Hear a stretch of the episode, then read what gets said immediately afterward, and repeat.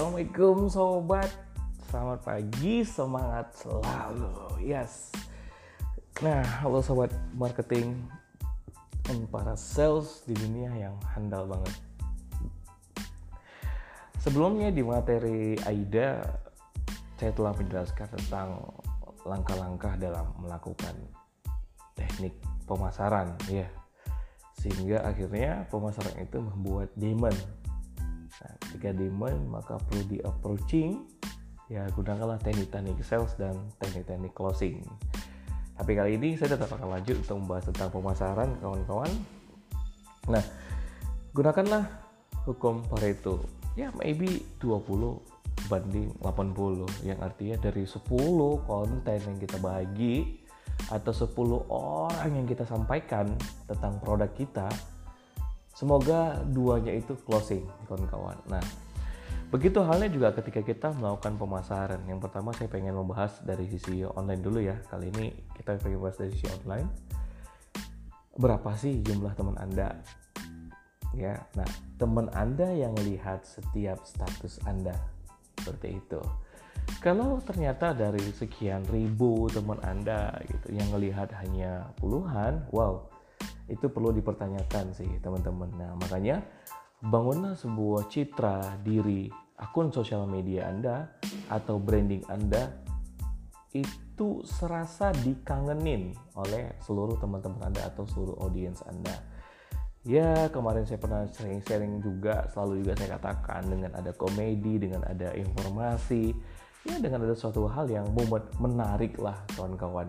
Nah seperti itulah strategi saya adalah melakukan pemasaran online. Nah, ketika dia dalam offline gimana pula? Nah, ketika dalam offline ya, satu hari itu Anda berhasil menemuin berapa temen. Nah, Anda datang ke dia, jangan langsung nawari produk. Karena ketika dia nawari produk, sabar. Ketika kita sibuk membagikan produk kita terus di, di sosial media kita, orang kan bosan. Ah, asik dijualin terus. Ingat prinsipnya orang tidak suka dijualin, tapi orang suka belanja. Nah, ketika kita ketemu orang itu dengan dengan rasa apa ya emosional kita pengen ber, bersahabat atau bertemu lah dengan dia. Makanya sentuh mereka dari sisi emosional. Emosional tuh mudah kali disentuh ketika kita memanggil mereka atau mengajak ketemuan mereka dengan tujuan background mereka. Apa misal alumni SD alumni SMP satu pengajian atau pernah dulu satu atasan ya atau satu perusahaan dulunya ya atau kawan yang dulu mungkin satu PKL kerja dan dan sebagainya lah. Kita ketemuan lalu mengatakan bahwasanya woi udah lama nih gak ketemu. Yuk ketemuan yuk. Kan seperti itu. Nah datang ketika, ketika ketemu dia tuh simpan dulu produk kita. Apa yang kita lakukan adalah mengupas sejarah jikalau memang kita mengambil ketemu dia itu karena dari sisi emosional ya sejarah pengalaman masa lalu sehingga ujung pembahasan atau ujung topik pasti adalah sekarang apa aktivitas. Nah, ketika mereka terjadi pertanyaan apa aktivitas, di situlah saatnya kita mempresentkan tentang diri kita dulu. Di mana dalam diri kita itu segala aktivitas untuk goal produk-produk kita.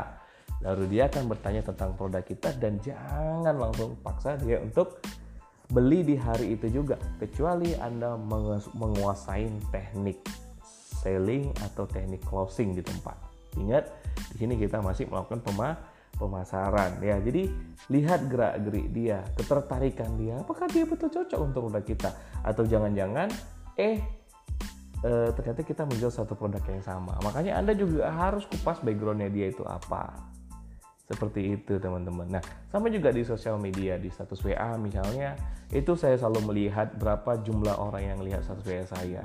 Ya, 200-an lebih gitu. Dan saya akan terus upgrading. Nah, ketika saya harus mengupgrade, otomatis yang pertama saya lakukan adalah menambah kontak WA saya. Nah, yang kedua itu adalah ikut komen status orang-orang lain gitu. Jadi sebelum kita mau di komen status kita, kita juga harus komen dulu. Nah, begitu juga ketika kita harus mengenal orang-orang baru ketika berada di tempat seminar, berada di tempat umum, kita dulu yang senyum. Kita ajak kenalan, sedang apa Pak di sini, sedang begini-begini. Nah, itulah beberapa teknik pemasaran. Semakin luas jangkauannya, maka semakin luas kita bisa menebarkan atau membuat attention ketertarikan ya akan produk yang kita tawarin ke dia atau akan diri kita dahulu. Ya jadi kita membuat pemasaran untuk membuat ketertarikan akan diri kita dahulu. Begitu juga dengan akun-akun sosial media kita. Buatlah orang-orang lain itu tertarik sama diri kita walaupun tidak sempat ketemu empat mata ya tidak pernah berteman tiba-tiba dia nge-add kita meminta confirm pertemanan oke kita terima pertemanan. Ya nah lalu lakukanlah interaksi juga di sosial media. Jangan asik kita menunggu saja ketika seperti itu.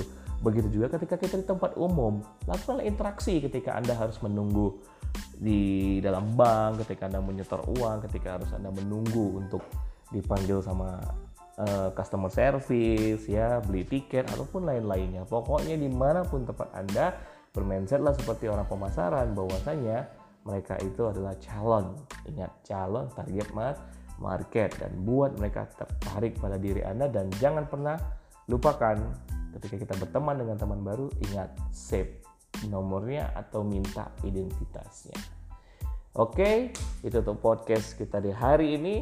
Tetap semangat dalam melakukan pemasaran dan pesan saya adalah minimal setiap hari tambahlah dua teman baru. Assalamualaikum warahmatullahi wabarakatuh.